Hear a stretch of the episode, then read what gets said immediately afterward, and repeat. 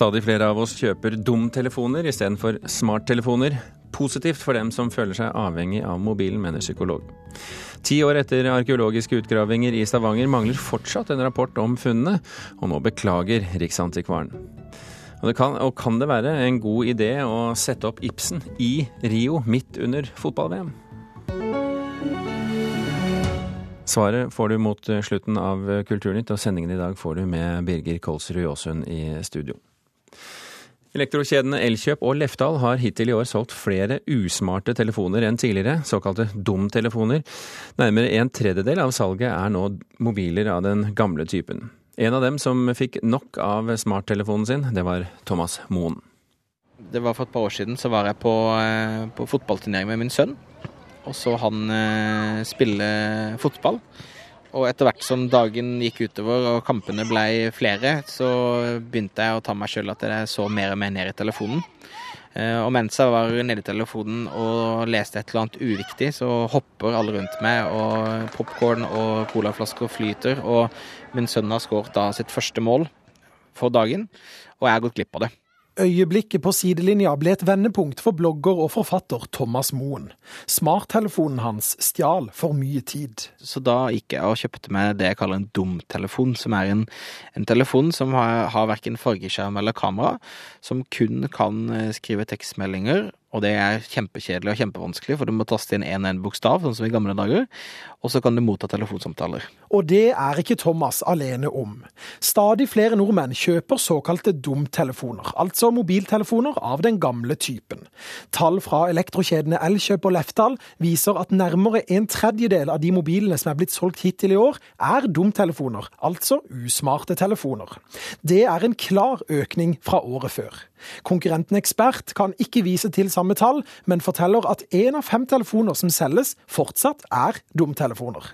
Eh, ja, vi har faktisk et, stort bord med bare dumme telefoner. Eh, det er faktisk 45 eh, stykker du kan velge mellom, og da er det med alle farger og varianter. Kristoffer Field, avdelingsleder på Elkjøp Lørenskog, viser frem raden av dumtelefoner. De fleste har det som en ekstra telefon, eller kjøper når det er på tilbud, og sender til utlandet til familie og venner. Field mener at økningen i salget også skyldes lave priser og den gode batterikapasiteten. Jeg tror nok at trenden vil fortsette framover, fordi eh, segmentet er jo langt ifra metta. fordi det blir, det blir en ekstratelefon. da. Ja, for de som virkelig sliter med det og som syns det er et problem, eh, så absolutt eh, vil jeg jo bruke andre typer telefoner som ikke har det samme type innholdet. Professor i psykologi Ståle Pallesen har arbeidet mye med avhengighet. Han synes det er positivt at flere kjøper dumtelefoner hvis de føler at smarttelefonen tar for mye tid. En ny undersøkelse fra TNS Gallup viser nemlig at over halvparten av oss sjekker mobilen hver time eller oftere. De aller fleste former for avhengighet, så er det jo slik at eh, jo større tilgjengelighet det er av det man er avhengig av, jo større blir utbredelsen i en befolkning. Og siden Norge ligger veldig høyt på mobiltelefontetthet, så, så er det grunn til å anta at Norge sånn utgangspunktet da skårer høyt på også avhengighet, at utbredelsen er spesielt høy her sammenlignet med andre land. Thomas Moen synes overgangen til dumtelefonen var krevende. Det var veldig vanskelig, og du hadde sånn derre eh, sånn tics der du tok opp telefonen, og selv om du ikke kunne gjøre noe med den, så tok du den opp av lomma uten at du helt visste hva du skulle gjøre med den. Du var, du var veldig vant med å alltid ha noe å fikle med, så det var veldig vanskelig i starten, men det ble bare gradvis mer og mer deilig. Men føler du ikke at du liksom uh, går glipp av noe når du går rundt med denne dumtelefonen? Vi må bare bli vant med at vi kommer alltid til å gå glipp av noe, men, men verden består, og, og det, man får mer av å være til stede der man er, enn å prøve desperat å følge med på hva alle vennene dine gjør på Instagram hele tiden. Men det sa Thomas Moen til reporter Christian Ingebretsen. Lars Svendsen, forfatter og professor i filosofi ved Universitetet i Bergen, velkommen til Kulturnytt. Takk, takk. Være til stede der man er, ja, det er ikke så lett når man har en sånn fristende dings i lommen hele tiden, kanskje? Ja, altså hvis man er noenlunde velutstyrt med dømmekraft og viljestyrke, så burde det jo være mulig å regulere bruken på en eh, fornuftig måte. Og her ligger litt av problemet, kanskje? Det gjør nok det. Tror du at dumtelefonen kan gi oss et bedre liv? Eh, hvis man sliter med en alvorlig avhengighet, så ok, men det gjelder vel neppe de fleste av oss. Vi burde vel heller være i stand til å regulere dette selv. Altså, det er ikke teknologien som bestemmer eh, hvordan det skal brukes. Det er, eh, vi er sterkt medvirkende til å bestemme bruken her.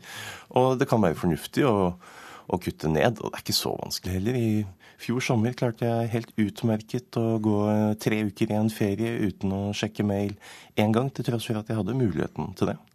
Veldig til disiplin på deg, med andre ord? Altså, jeg syns det er greit. Altså, Går man inn for kompromissløs sløving, så får man gå for det, altså. Mm. Men er det ditt inntrykk at Og, og vi, vi, har jo deg i studio fordi du har jo skrevet om disse tingene i, i bøker. Og har jo på sett og vis vært et gjennomgående tema for deg, hvordan vi bruker tiden vår. Stjeler smarttelefonen mye av tiden vår?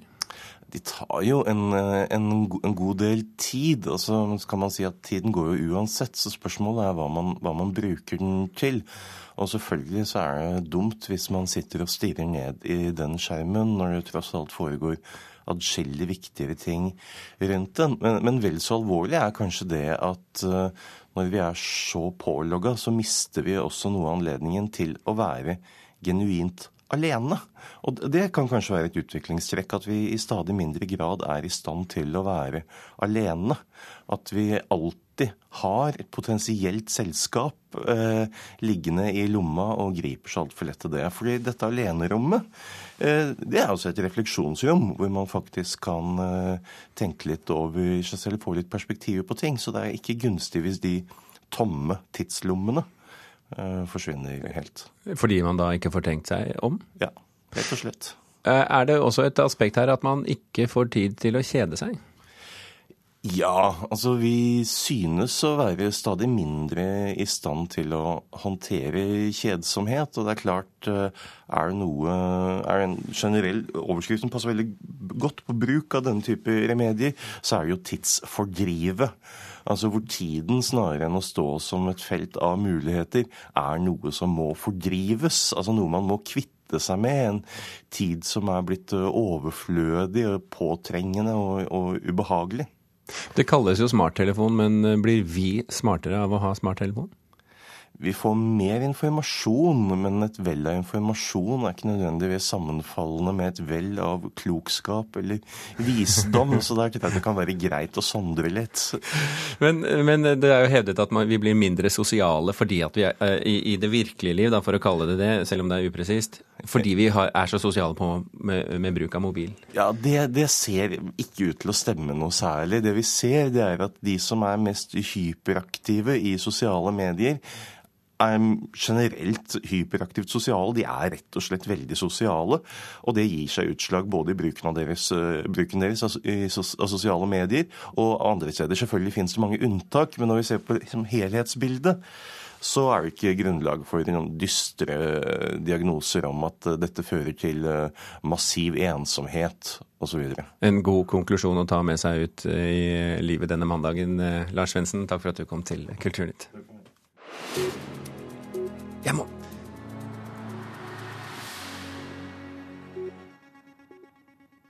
Forfatter og forlegger Jan Wiese døde lørdag, 86 eh, år gammel. Wiese er mest kjent for romanen 'Kvinnen som kledde seg naken for sin elskede', som han ga ut etter et langt yrkesliv i eh, forlagsbransjen. Byantikvaren i Bergen ber om at saken eh, blir fulgt opp strafferettslig etter at deler av en sjøbod i Sandviken i Bergen raste ut lørdag. Den gamle pakkeboden, som antagelig stammer fra 1600-tallet, ble midlertidig fredet i 2006, men har i mange år vært preget av dårlig vedlikehold. Byantikvaren sier til NRK at pakkebodene i Sandviken er blant de viktigste kulturminnene i Bergen, og kaller eierens vanskjøtsel av bygningen for miljøkriminalitet.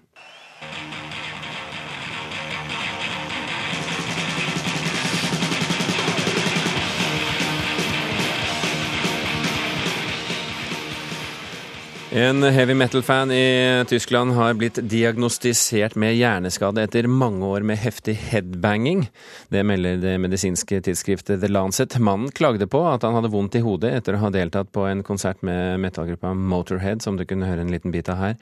Og da en CT-skann ble foretatt, så man at mannen blødde på høyre side av hjernen. Og etter at spesialister boret hull i hjernen og drenerte ut blodet, er mannen nå kvitt hodepinen.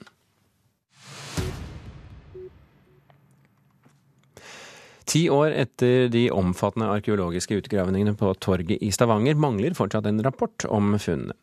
Rapporten vil kunne kaste lys eh, over eh, alderen til eh, byen Stavanger. Det er håpløst at den ikke er kommet ennå, mener lederen i kommunestyret for byutvikling. 150, 20 or 15 euro. I dag kryr det av cruiseturister og salgsboder, men for ti år siden var torget i Stavanger et stort hull. I 2004 startet nemlig pålagte arkeologiske utgravinger i dette området rundt Domkirken og Vågen, i selve hjertet av byen. Vi var jo entusiastiske i forhold til det, og vi så jo utgravningen ettersom de eh, skred frem. Og siden har vi vel ikke hørt noen ting spesielt mer sier Helge Solum Larsen, uavhengig representant i bystyret og leder i kommunalstyret for byutvikling. Jeg syns det er nesten håpløst at man skal ha en situasjon der denne typen store utgravinger eh, foretas, uten at vi har engang noe tidsperspektiv for når vi får resultatene. Utgravingene i sentrum som pågikk i fem år, kostet 10 millioner kroner. Men noen sluttrapport har Stavanger kommune ennå ikke fått, sier Solum Larsen. Nei, Det syns jeg er veldig beklagelig. fordi at Domkirken er jo eh, Norges viktigste middelalderbygg. og Omgivelsene her er jo i høyeste grad Stavanger bys historie. Hva er det du etterlyser? Nei, Jeg vil vite konkret hva man har funnet. Eh, jeg vil vite òg hva det er vi har betalt for. Må huske at det er byen som betaler for den typen utgravninger. Ja, vi syns det er kjedelig. det skal jo ikke skje, så vi må bare beklage at den rapporten ikke er kommet ennå. Det sier avdelingsdirektør Dagfinn Claudius hos Riksantikvaren, som har kulturminneansvar for det som gjøres i middelalderbyen Stavanger. Eh, rapportene er jo veldig viktige for, eh, for forskningsarbeid ved forskningsinstitusjonene. Og uten at det blir gjort ferdig eh, rapporter, så er det jo en stor mangel når det gjelder mulighetene for kunnskapsproduksjon og formidling. Så her er det, det er en forsømmelse. Ei 700 år gammel tønne sto i fokus for arkeologene i Stavanger sentrum tidligere i dag. Etter noen mediedrypp i årene 2004 til 2007 har det vært helt stille om utgravingene, som ble gjort fordi Stavanger opparbeidet området til sitt tusenårssted.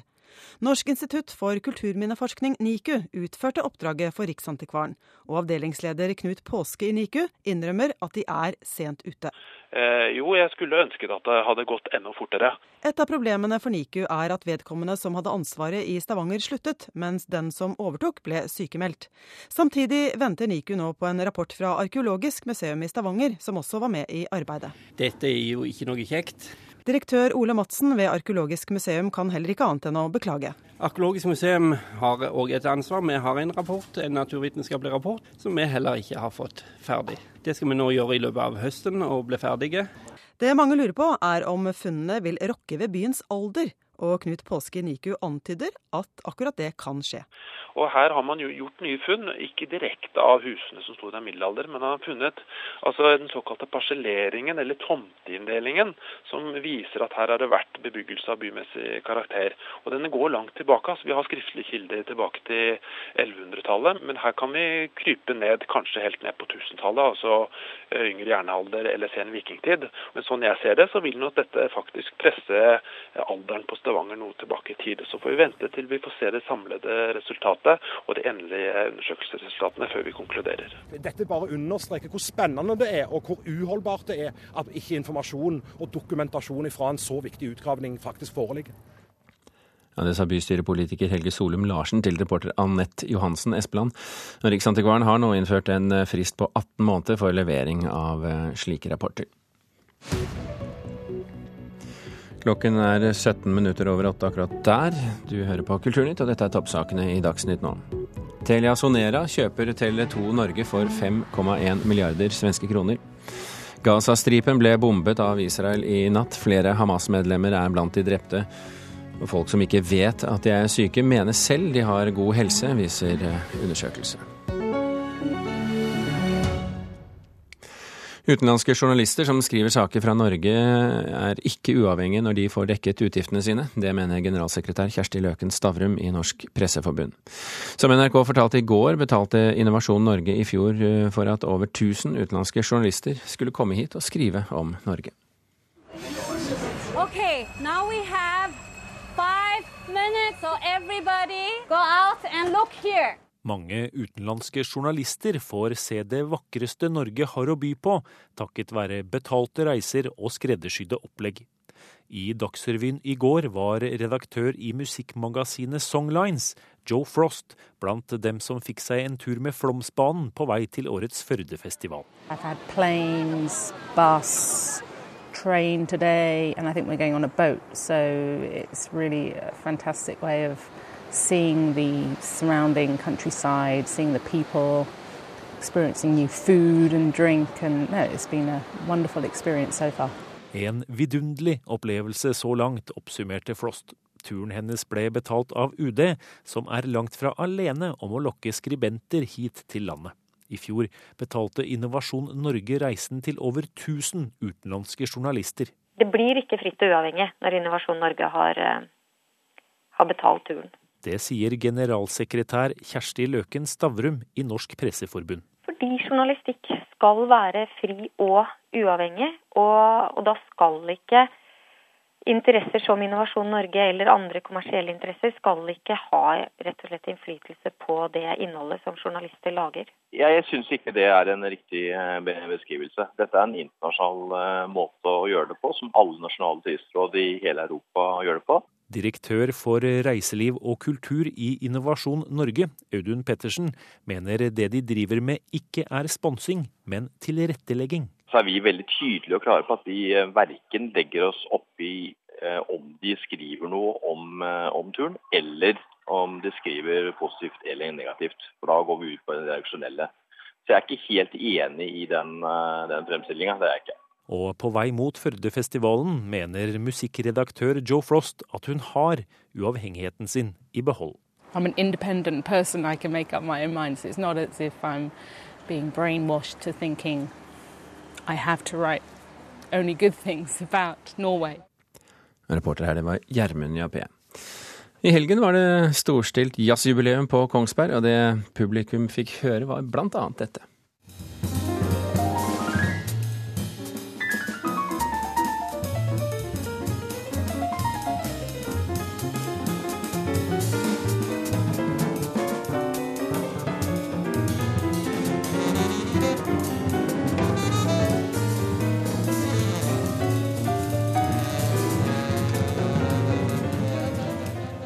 Trommeslager Håkon Mjåseth Johansen fikk med seg Chicoria på piano da Kongsberg Jazzfestival ble arrangert for 50. gang. Og programleder i jazzklubben her i NRK P2, Ann Irén Ødeby. Var det et godt, eh, godt, samspill eh, disse to imellom? Ja, det vil jeg si. Det var gnistrende samspill. Og det var jo veldig veldig morsomt at Håkon Mjåseth Johansen fikk med seg Chicorea på på, på denne prisvinnerkonserten som det faktisk var. Mm. Fjorårets pris, som han da må forløse året etter, ikke sant? Ja, det stemmer. Mm. han er glad i norske unge jazzmusikere, denne Chicorea? Ja, helt fra 2000 så har han jo vært i Norge. Da begynte han jo å samarbeide med Trondheim Jazzorkester under Moldejazz. Og det var vel første gang også Håkon Mjåseth Johansen spilte sammen med han. Eh, Kongsberg Jazz, altså 50 år i år. Var det i det store og hele, hele et vellykket jubileum?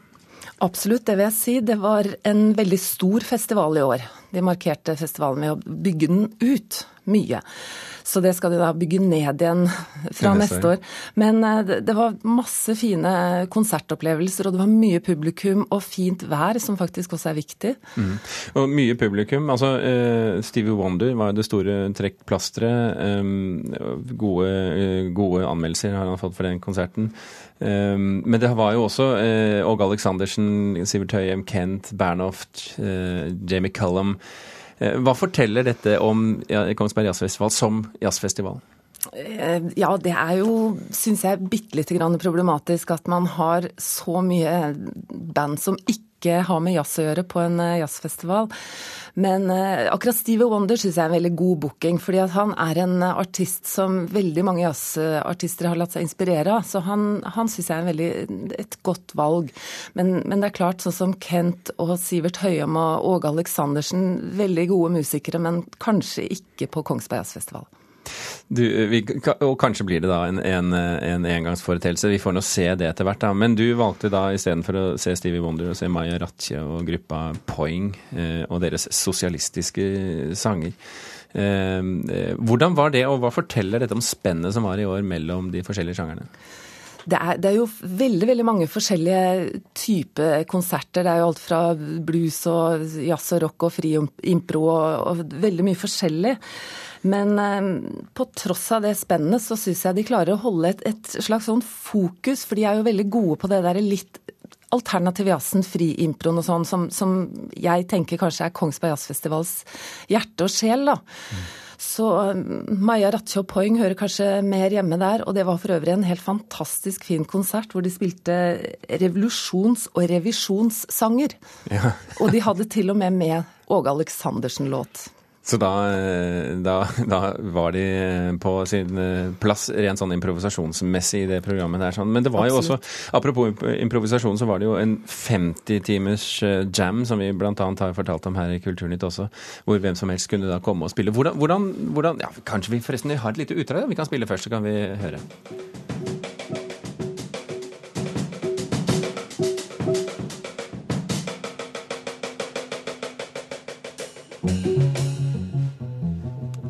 Det er selvfølgelig lite utdrag og ikke representativt for hele 50-timers-jammen. Men, men hvordan var den?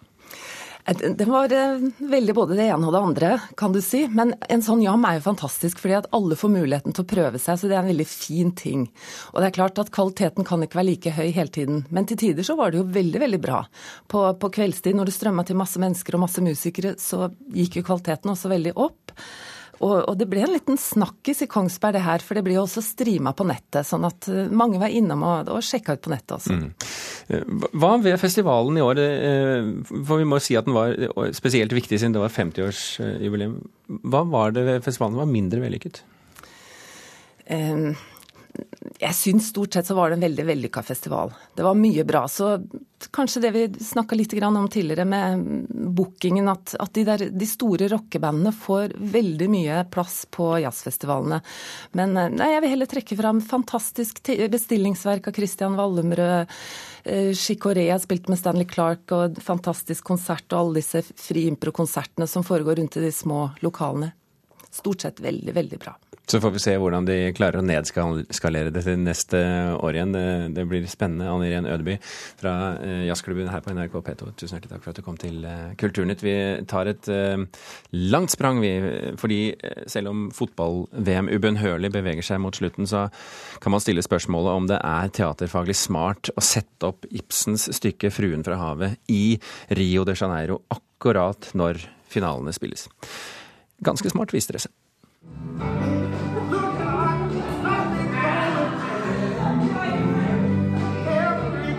Salige Ibsen ville trolig ha hevet sine kraftige øyenbryn hadde han sittet blant oss i kulturhuset Laura Alving her i Rio de Janeiro. Fruen fra havet på brasiliansk er et godt stykke unna det vi er vant til i Norge og Europa, med mye musikk og livsglede men stykkets evige budskap om kvinnefrigjøring og retten til det frie valg er ivaretatt på beste måte. For Tanja Pires, som er regissør og har hovedrollen som Elida, har det alltid vært en drøm å fremføre dette stykket. Um. Fruen fra havet er en tekst som jeg likte spesielt godt da jeg var ung teaterstudent. Jeg beundret Elida, fruen fra havet, for hennes styrke og utholdenhet, og led med henne fordi hun bærer på dette korset at hun har lovet seg bort til en fremmed og vet at han en gang vil komme tilbake og stille henne overfor et fryktelig valg mellom ham og hennes familie, sier skuespiller Tanja Pires.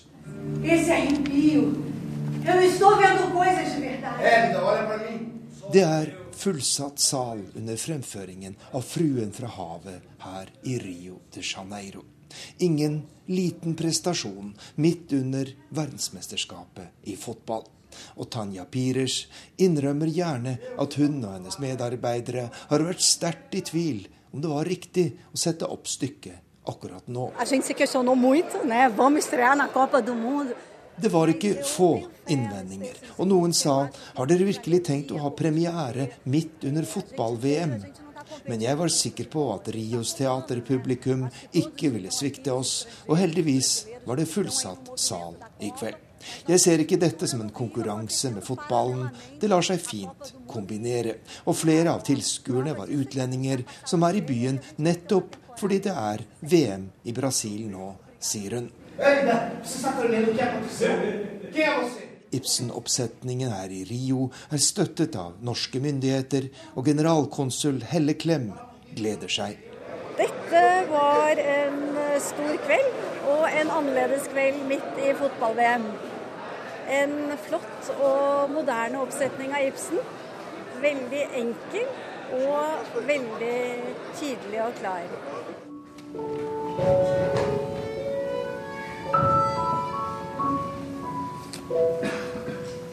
Og regissøren mener budskapet i 'Fruen fra havet' er enda mer aktuelt her i Brasil enn i Ibsens hjemland. Vi tenker at vi lever i frihet i et demokratisk land, men brasilianske kvinner er fortsatt fanget i et mannssamfunn der det er viktig å ta seg godt ut og å ha ansvaret for hjem og familie. I så måte trenger vi kanskje Ibsens budskap om kvinnefrigjøring mer enn dere i Norge, der det er mer likestilling, sier skuespiller Tanja Pires her i Rio de Janeiro. Og der hadde vi vår mann Arnt Stefansen, som ikke, ikke uvanlig det. Kulturnytt er i ferd med å runde av. I dag har vi fortalt at stadig flere av oss kjøper såkalte dumtelefoner istedenfor smarttelefoner. Det er positivt for dem som føler seg avhengig av mobilen, hørte vi en psykolog si, og filosof Lars Svendsen sa at dette er overkommelig å klare å ha litt disiplin på telefonbruk. Ti år etter arkeologiske utgravinger i Stavanger er det fortsatt ikke noe rapport etter funnene, og det fikk de kritikk for. Birger Kålsrud Aasund takker for følget.